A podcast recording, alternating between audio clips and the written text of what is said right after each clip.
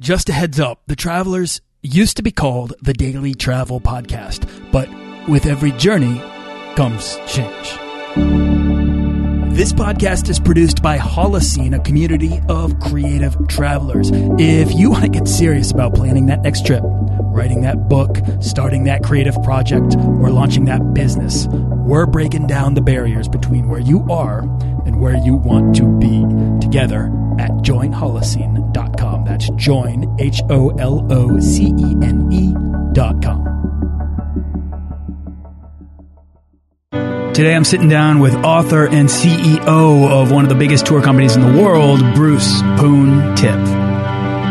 Do you want to travel further and more often to visit new places and meet new people and expand the role that travel plays in your life? I'm your guide, Nathaniel Boyle, an explorer that wants to help you get out, see the world, and find meaningful, life changing experiences. Everyone wants to be adventurous and have great stories, to do the stuff of legend. This is the Daily Travel Podcast. Okay, explorers, here's the thing. Podcasts really need your input, particularly your reviews. And if you could leave me a review on iTunes, I would love you for it. I'll even try to feature your review right here on the show. So feel free to ask any travel question or leave your best travel tip, and I will do my best to get it featured on an episode of the Daily Travel Podcast.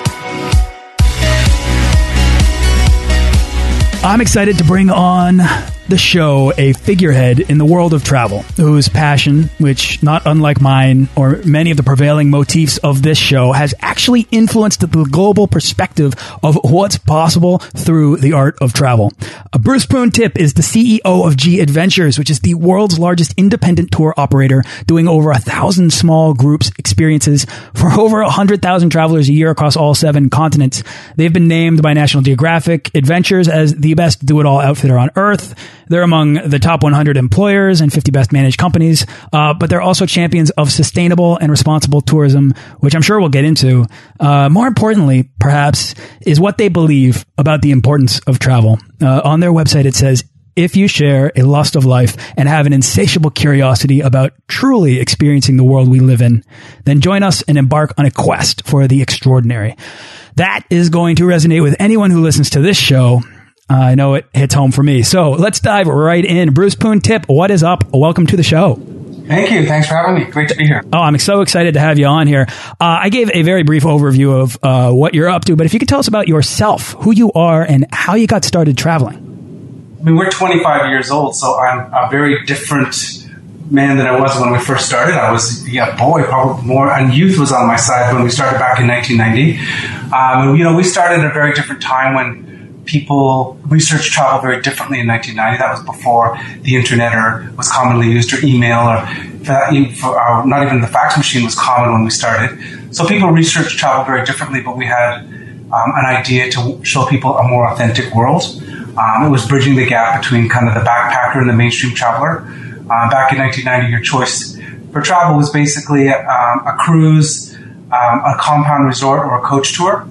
And, you know, we wanted to you know, create cultural immersion and unique experiences for people at a time where people research travel and, you know, their, their holidays time was used very differently in how they researched and the information that was available to them. But, you know, so I, I but the heart of what I do, I guess uh, I'm more, I'm an entrepreneur more than I am, more than anything. I um, was, was always very uh, excited about business. Um, travel is my passion. It's always been my passion. And, and more so even cultures and uh, other cultures around the world and understanding how other people live around the world has been a passion of mine. So I was able to incorporate, you know, what I loved uh, with my other passion, which is business and leadership. So that's what I was able to, you know, bring to the world back then. And over the years, we became a global brand that's sold all over the world now, and and the rest is kind of history. Yeah, so G Adventures is 25 years old, but let's go before G Adventures even started. And you say travel is your passion. Where did that happen? What what got it all started for you? You know, I'm an immigrant to Canada, so we moved here when I was very young. So that was my first big international adventure, if you will. Um, starting life in a new country as, as an immigrant coming into a new country. Um, Where were you born? I was born in the Caribbean in Trinidad. Oh, wow. And, okay. and you know, uh, there was different influences along the way, having relatives um, living overseas in different parts of the world, imagining where they lived and, you know, communicating with, with family uh, made me research and start reading about other countries. I remember, I, you know, I always tell the story about how my parents really splurged on bought a set of, of those old kind of encyclopedia sets that you used to get in the wooden bookcases. That was probably the biggest and most influential kind of purchase my parents ever made, which had me, you know, reading about other countries and how other people lived around the world. I was just fascinated very early. And even though my first real travel, you know, that I can remember clearly, wasn't until I was 12 between the ages of 12 and 15, I went on a few trips. And, you know, those trips were quite tame, like going to Florida from Calgary or going to, um, to Jamaica or back to Trinidad. Um, it gave me that, that feeling of freedom and the excitement of, um, of being on a plane and just um, and taking off and just seeing other parts of the world. Just excited me at a very young age. and influenced me in my in in in how I you know live my life really. And then when it came to my interest in business, you know, merging those two things was always very important to me. So this call to adventure was there as a kid when you were reading these encyclopedias, and I guess that learning about other people's cultures, what else is out there in the world, planted the seeds of curiosity within you. At what point did they sprout into something that was in the form of actually taking a trip or having that first independent solo experience? Well, I didn't do that until you know I, I was in, in my early twenties. Like you know, I um, as I said, I traveled with my parents a fair bit, and and then even into my teen, my late teens you know, I created my own adventures around, you know, the community in which, you know, I was raised. We would, you know, get on our bikes and take camping trips and go fishing and do all those things that kids, kids did. And it, it gave me more of an adventurous spirit, if anything. Uh, but when it came time to travel, I mean, my first big trip was a, a, a transit Asia kind of trip where I was going to go backpacking. And I mean, that was really what inspired me to start um, G Adventures because I, uh, when I decided I wanted to travel, I didn't necessarily want to backpack, but I had no options at the time. So when I went backpacking, um, you know, back in those days, you just got a guidebook and did it yourself. Um, so when I did that, I was on the road with a lot of you know other people, young professionals with disposable income that were caught in the same limbo of backpacking and not necessarily having the amount of time needed to you know figure out their own holidays, but were forced to, to um, were forced into backpacking because there's no options for having an organized kind of cultural experience. So that was kind of my eureka moment while I was traveling myself. So let's talk about that eureka moment. What was it that happened on that trip uh, that inspired this idea for actually turning this this experience, distilling that into a business idea?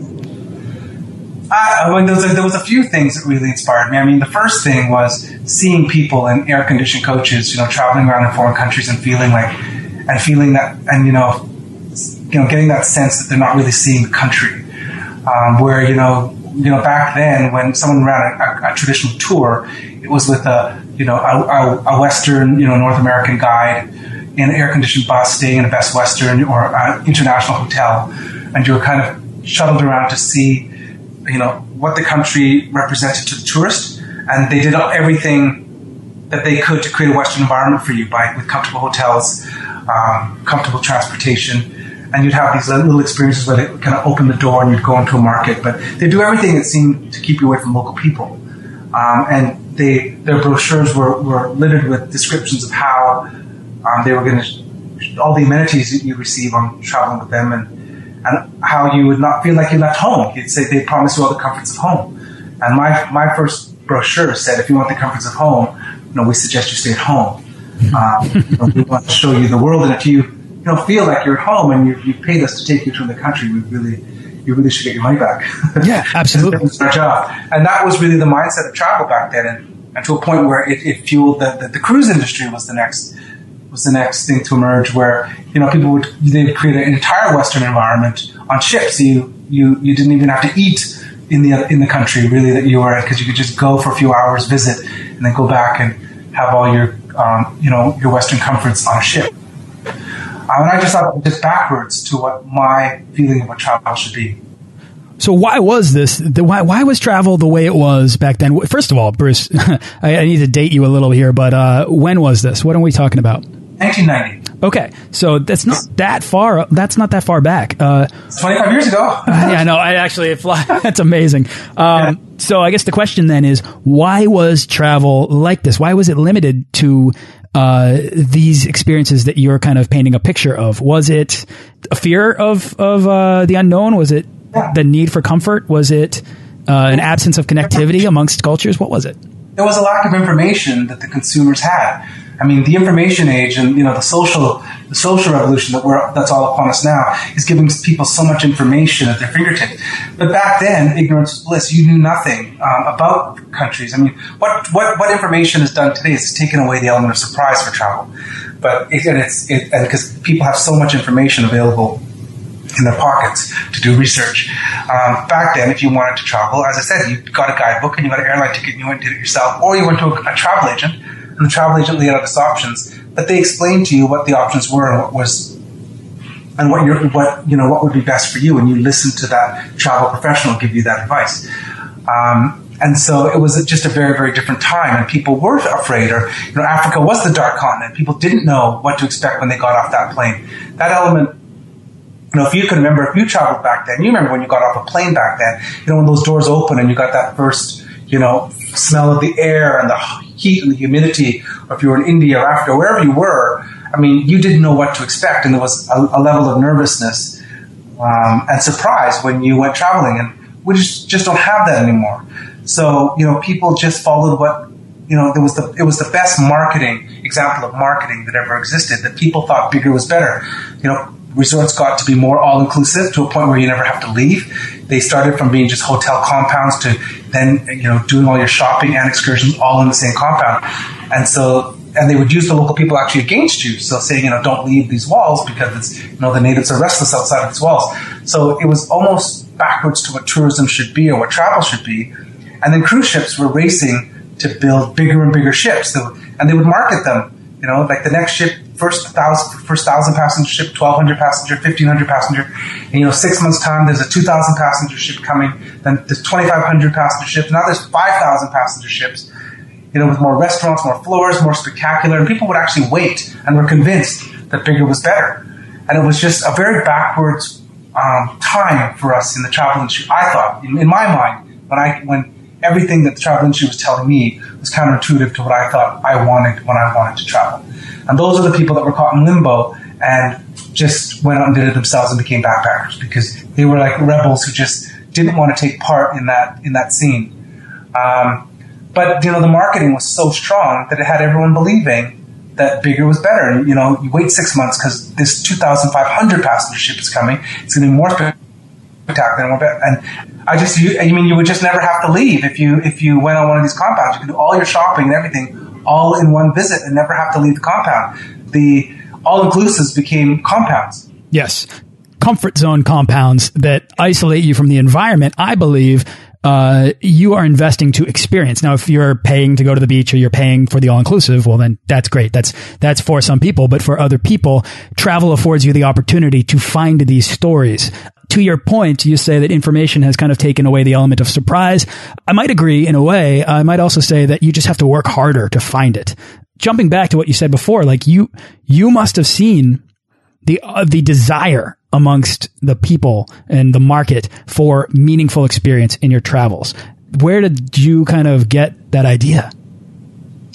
I mean, it, it's evolved with us over time. I mean, when we first started, the, the idea of what we want to do was so renegade uh, for, for, for, for, the industry at the time that we had to get out in front of people and sell what we did. We could never advertise in newspapers saying, you know, tours to Thailand. The, the common traveler thought of a tour as one thing. Uh, it was ingrained in their mind what a tour was, and that was all the creature comforts, uh, you know, all the comforts of home, and these Western environments were being created to, you know, guide you through in a Western bubble through these foreign countries. Um, so we had to get out in front of people and really market and sell um, a new type of travel.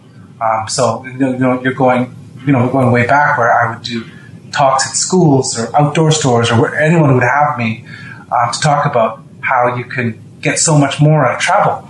Um, and there, you know, there's a world out there that's you know so unique and so different, but you have to take yourself out of your comfort zone. And at that time, people were afraid. I mean, people were afraid. They didn't think that going on holidays equated to taking themselves out of, out of their comfort zones and what the benefits of that were well, when you have limited time and limited option to, to get out and explore, I think a lot of people, they become not just afraid of getting out of their comfort zone, but afraid of like spending all this money to go on these trips and then not getting the experience that they're hoping to have. And so instead they plan, they overplan, they structure and they create lists and they design their travels in a safer way, which actually has less reward. But, it, but I think people uh, sort of sacrifice the uh, the personal growth for the bucket list. Yeah, I mean, yeah, I mean, there's so much that makes sense in that comment um, in terms of just people in, in general. When, when, when I mean, trying to overthink and not letting you know a destination come to them. Um, and let, let, let things happen as they. That's the beauty of travel: the, spont, the spontaneousness, the freedom, um, the independence that, it, that, that, you can achieve when traveling. Um, and when you try and eliminate that by putting structure and trying to research in advance and overstructure and overestimate, um, you're you know you're setting yourself up for failure because you don't really know the destination until you get there. Were you leading tours initially? Like, is this the kind of thing that you were taking your friends out on trips? No, I never led a tour. okay. no, I, I didn't lead my first tour till about four years ago when I did it as an experiment. Oh, wow. So you really took the business approach at the beginning of this whole thing. Yeah, I got a, a friend of mine who was a, a, doctor at the time, took a year leave of absence. He was my first kind of uh, tour leader. You know, our first tour leaders, one was a, a friend, a doctor of mine, and the other one um, left left the band, the Barenaked Ladies. He was part of the Barenaked Ladies. That oh, really? Band, and he left the band to be one of our leaders. I don't know if he, he probably regrets that decision, but he was in that band, and, and, so we and so they were our first kind of you know leaders that lived in the countries. But but I didn't I didn't really um, you know lead tours at the time. Tell me about how it's it started evolving into what it's become today. I mean, 25 years that's a that's a that's a long lifetime for a company, so it's kind of hard to encapsulate it. But I'm trying to get to the heart of G Adventures, how it started, and how you knew that you were hitting on something that was touching people emotionally. Well, I mean, as a, I mean, we started um, originally with a clear purpose. Um, you know, we, we were a company that was a niche market product when we first started, which was a very small small part, segment of the market where only hardcore travelers really travel with us. But as we kind of became more open to a, a mainstream market, we realized and customers started getting more engaged with us because of what we stood for and you know what our you know what our brand really meant to them. Um, originally, we were a company that really drew um, a line in the sand that you know we were this and we would appeal to a certain type of traveler. You know, one of our first you know, statements in one of our brochures was if, if you want the comforts of home, we suggest you stay at home. That's a very strong statement to people, and it was it was a much higher purpose than just being a travel company at that point. Sure. You're talking about what responsible, responsible travel or sustainable travel practices. Um, I mean, it started like that. I mean, there was an, also an evolution of that between ecotourism and sustainable travel and, you know, responsible travel, what all those things really mean to the customer. And I think that in general, I think that people want their holiday time to match their values and how they live their life. I think traditionally, you know, as we started changing our lives in the in the in the mid to late '90s, the way people started to recycle at home, or you know, use low watt light bulbs in their home, or you know, eat organically or hundred mile dads with the organic kind of uh, movement that kind of came came in, in, at that time, and then climate change became an issue. But then people would choose a very destructive holiday based on price point or dates that fit them uh, but didn't mind that they were staying in, you know, co- compound resort that consumed mass amounts of resources when people just outside the walls didn't have access to medical care or, or the same kind of um, resources to live. So people kind of were able to suspend their beliefs um, on how they lived at home, and there was, there's obviously there was obviously at some point going to be a tipping point where people wanted their holidays to match their values on how they lived at home, and you know we've always banked on that as people grew, as as the as the market grew. So the more connected we've all become globally, then the more the barrier between us and the other breaks down and the kind of the more maybe curious people become of what else is out there and want to actually not just I don't know, look at in pictures in National Geographic, but actually go and experience firsthand. It sounds like yeah. you were, you were really kind of attuned to that there's been a huge evolution over time and with with how we look at our business. I mean, I love, I would love to say and, and you know stand before people today and say that I thought back in 1990 when I was you know you know starting the company out of my garage and you know with just an idea of, of what I wanted to do that I had the vision of what we would become today. Um, but part of being an entrepreneur, as you as you know, is being nimble and being able to take advantage of the of, of the opportunities that present themselves um, and not as they present themselves over time, and also staying focused in you know your original purpose and your goals. You know, we we always had that that mindset that we wanted to do something special and something different. We always want to do it differently. but times have changed. The way people travel has changed. The way people research travel has changed. The way people choose destinations has changed. The information that's available to consumers to make those decisions has changed. And we've and the way people engage with brands is really what's made you know good and great companies. I think that's uh, absolutely true. But I think that when what you're talking about is is this undercurrent that has boiled up to the top, and that's this overwhelming desire for great experience, for greater experience through your travels, uh, which you sensed was there, I guess, early on because you had the fortune of being the right kind of entrepreneur on the right kind of trip through Asia, and then getting home and saying maybe we should give this a go but I think it's what, what's really interesting is the is over I guess over the course of 25 years it's a very long time to be running a company and it's and it's a duration that I can't quantify in my head because I'm only 32 so that's an entire lifetime for me the the idea that the travel industry has grown and you have adapted to this and become this um, this amazing uh, operator of so many different tours. I mean, I want to I want to hear a little bit about what you guys are offering for the traveler and how that reflects your values. Like, can you give me an example of a of a trip that you offer that reflects the values of purpose driven travel? Yeah, I mean, I can give you examples of uh, individual trips or how we look at different countries. Um, if you look at some of the countries like um, like Peru, for instance, we're the largest operator in the world on, on the Inca Trail. And throughout the country, you know, we run tours that are unique and, and, and, different. So we do things very differently. Like if you look at just the projects that we have in Peru, we have, we first started with uh, a street kids home, which we bought um, a street kid, the, the, the, house for the, um, this, the street kids home and gave them a hundred year free, free rent at, to start a street kids home to take kids off the streets of Cusco. Um, then we were taking our passengers out to Machu Picchu, uh, we found through that area there was uh, area with zero employment for women. We started the Women's Weaving Co-op, and the Women's Weaving Co-op was going to, you know, um, there's 60. It started in 60. There's now 90 women in different villages that weave and teach the younger generation to weave because they were losing all their heritage and their their storytelling and their history and their the, the textile patterns that they have, the Incan traditions. So we started the Women's Weaving Co-op, which we take all of our passengers through that area, stopping at the Women's Weaving Co-op um, learning, spending the day with the women, having lunch at, in the villages. We then, this year with the IDB, with the Inter-American Development Bank, we started a restaurant in the Sacred Valley, which we bring 17,000 people there a year for, for meals on the way to, to Machu Picchu. But it's all owned and operated by local communities, and it's used as a training center um, for um, the local community there to, to um, learn the food and beverage industry, which people get trained to get jobs in other parts of Peru. I mean, that's just an example of how we look at Peru.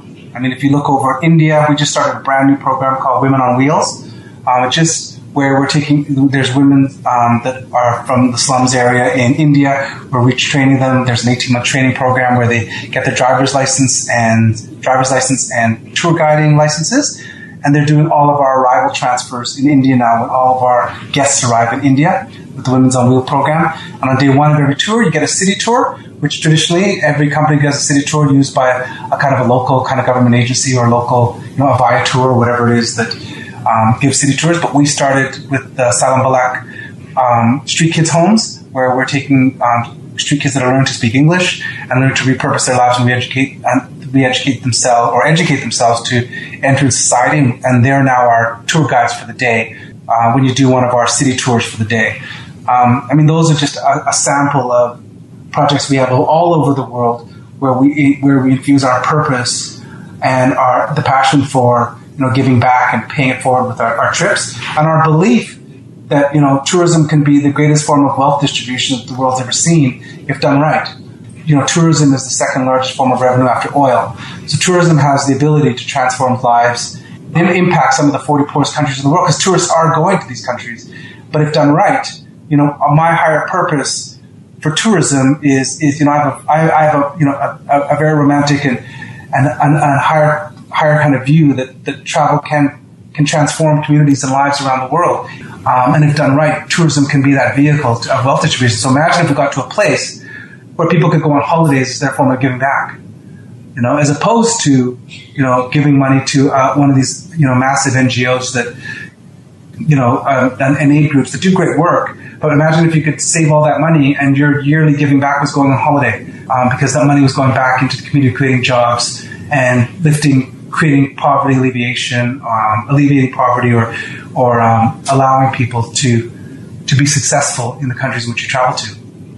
But I mean, it's it's it's this higher purpose and this noble purpose that that seems to be forgotten, and all the capacity that's been created in resorts and cruise ships, where the travel industry is is at, at, at the you know is brought to their knees by filling this capacity every week for these holding companies that are you know that have invested so much in all these resorts, and so there's this mad dash for last minute clubs and last minute specials and and filling all that capacity where it's taken away that passion for why people really originally wanted to travel. Yeah, absolutely. Well, that that has not been forgotten on this show. I mean, that that noble purpose that that is what this show is about. This show is about pushing people to get out and experience the complexities of the world, so that they can have these stories and they can come at life more informed and and uh, with a greater sense of purpose and being. It sounds like these tours that that you guys run give you the opportunity to support the things that you believe in that you discover along the way.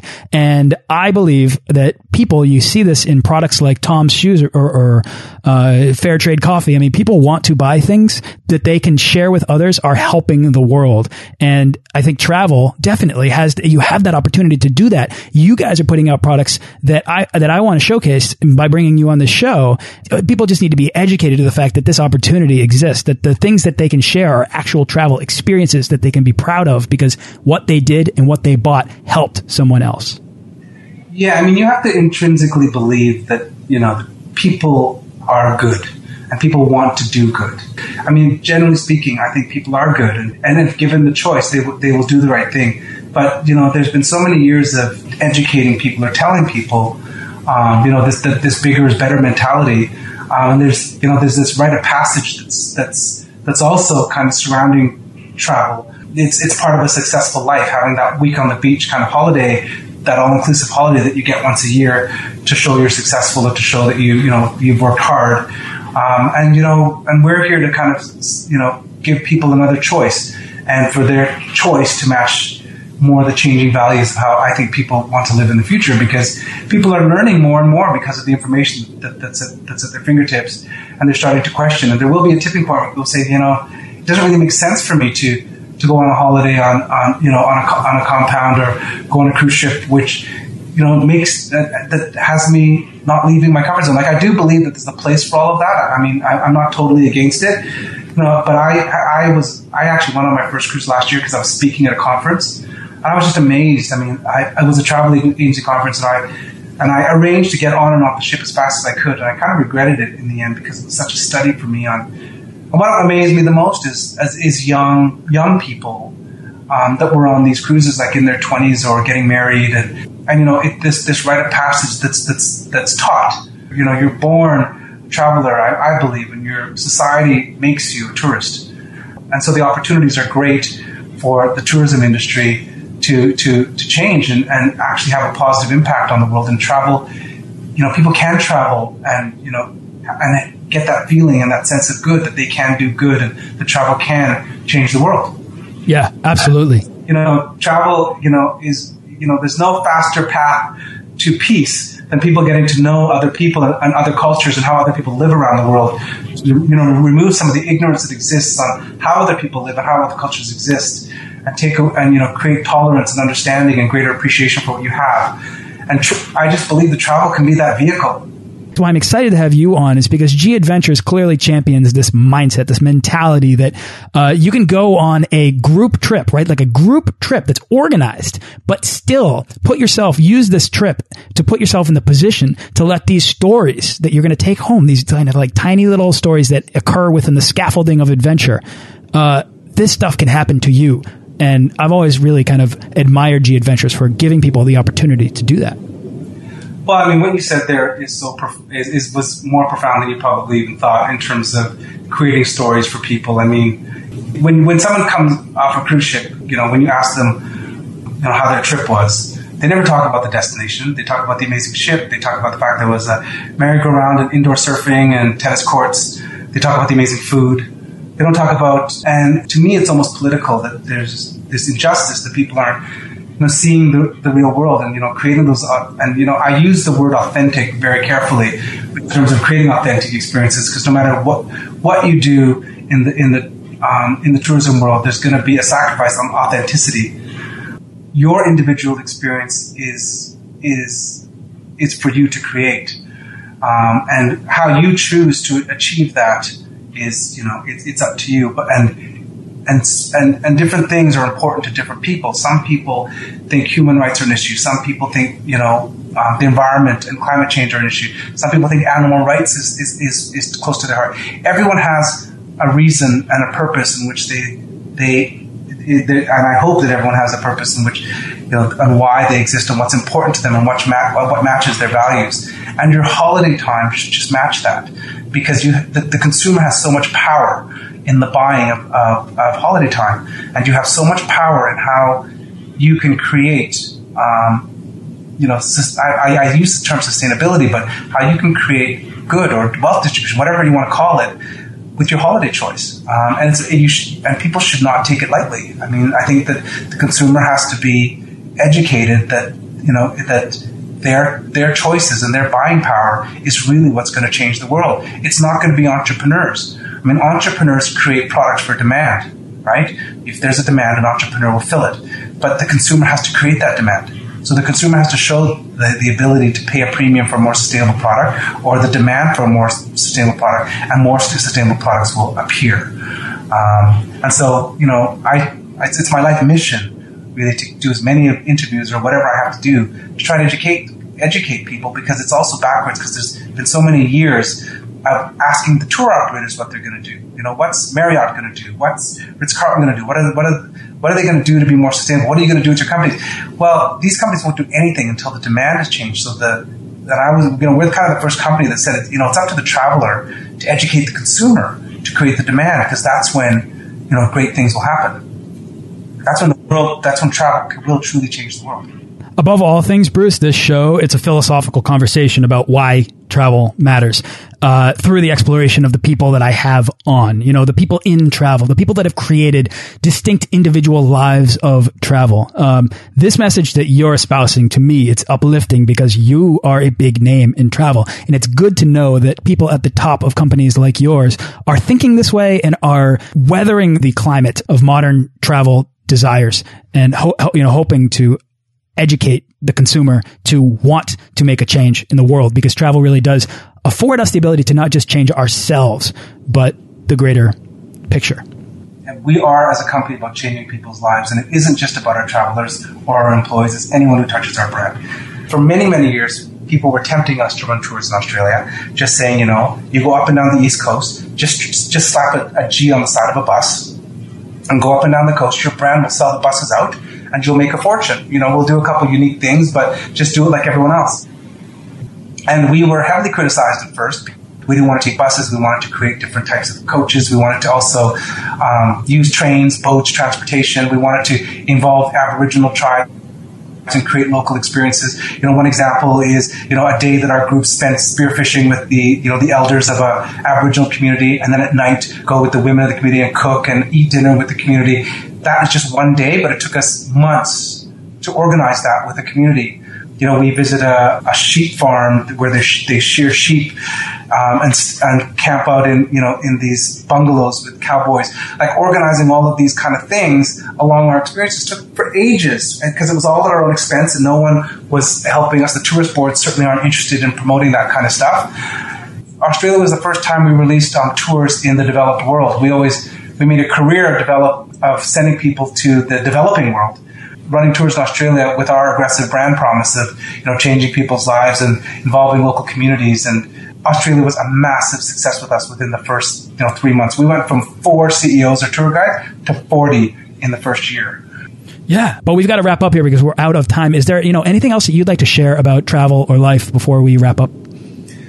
We, you know, we believe and we, we and, and truly in our hearts believe that what we do is, is about creating a movement. Um, and so, you know, one of, you know, why I do shows like this, and I, I, always feel fortunate to meet people like you that are so passionate about spreading the message is, you know, we always say, if you can't travel with us, travel like us. If you don't want to go on a tour or you don't, um, you know, want to go with, with us, we want people to understand, you know, our values and, and whether you do it independently or do it with friends, um, because, you know, travel we have lost that ability for travel to really uh, create that noble purpose. The first explorers kind of, you you know, risked their lives, and they were the one, the first adventurers that kind of set off to kind of explore the world. And you know, we still have that innate desire to want to explore. Um, and we're conditioned and as we grow to be more tourists, but I just encourage more and more people to find that inner explorer in them and go out and see the world, take yourself out of your comfort zone, and you'll have a positive impact on everyone you meet, and you will come back just a better person. I love that. Bruce, what's exciting you the most right now? Where's your next trip or what's your next project? Now, and I ask in that because I know that you're a bit of an adventurer yourself, not just a CEO entrepreneur behind the desk. Yeah, you know, I, I, I went to the South Pole a couple years ago, and I, I said that was my last event, my last big adventure. But um, you know, I'm getting itchy at the moment. My next, yeah. my next, trip, I'm doing a book tour next week in Korea, so I mean that's that's not very exciting at all. Um, but I'm, my, my, my actually my next plan is early next year is to rediscover my independent travel routes of just like get putting a backpack on my back with no arrangements and just land in a country and just on my own, nobody else around me, just travel around and, and you know discover things as I go. Um, I'm kind of pinpointing the Philippines, a, a place I want to do that. Um, well, I just as I said, I, I might have a hotel booked for the first couple nights, but I just want to rediscover that ability to you know that freedom and that flexibility of of um, discovering things as, as it happens and having a destination come to you as opposed to you coming to the destination. Yes. Do you miss that, Bruce? Um, I do. I mean, I gave, I, you know, you give it up for family and kids, so I certainly don't, you know, I don't regret it because I love, you yeah. know, my, I do. But yeah, I miss that, that feeling of exploration and adventure and, you know, uncertainty of day to day. And, and I just want to rediscover that to give me more power with what I do here every day. Awesome. Bruce, where can people go to find out more about you, G Adventures? And also, you keep mentioning your book, but I feel like I should explain that you wrote a bestseller called Looptail about, well, tell me about what it's about, because it's about entrepreneurship and changing the face of business. Yeah, I mean, uh, yeah, Looptail uh, was the, my, was shocked me and the world when it went number four on the New York Times bestseller list. Wow! Now it's distributed all over the world. That's uh, amazing and it's about you know it is my story. It's a bit of a it's an inspiring story. I think of you know where where we came from as a company. I originally wrote it to kind of uh, as an internal piece in the company, so people understood where we came from. But it turned out to be um, a bit of an adventurous travel uh, business story about why community culture and karma matter in business.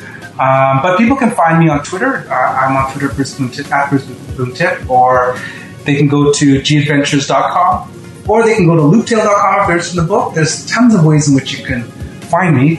You can't hide in this day and age, so just just give it a bit of effort. You can find the company anywhere. I love that. Bruce Poon Tip, thank you so much for taking your time to come on the show, share this really kind of unique perspective on not just your own travels, your own relationship to it, but the travel industry and this sort of seismic shift that's happened over the past 25 years. I hadn't really quantified that in my head, but it's been really enlightening to listen to you kind of take us through that whole transformation. Well, thanks for having me. Anytime.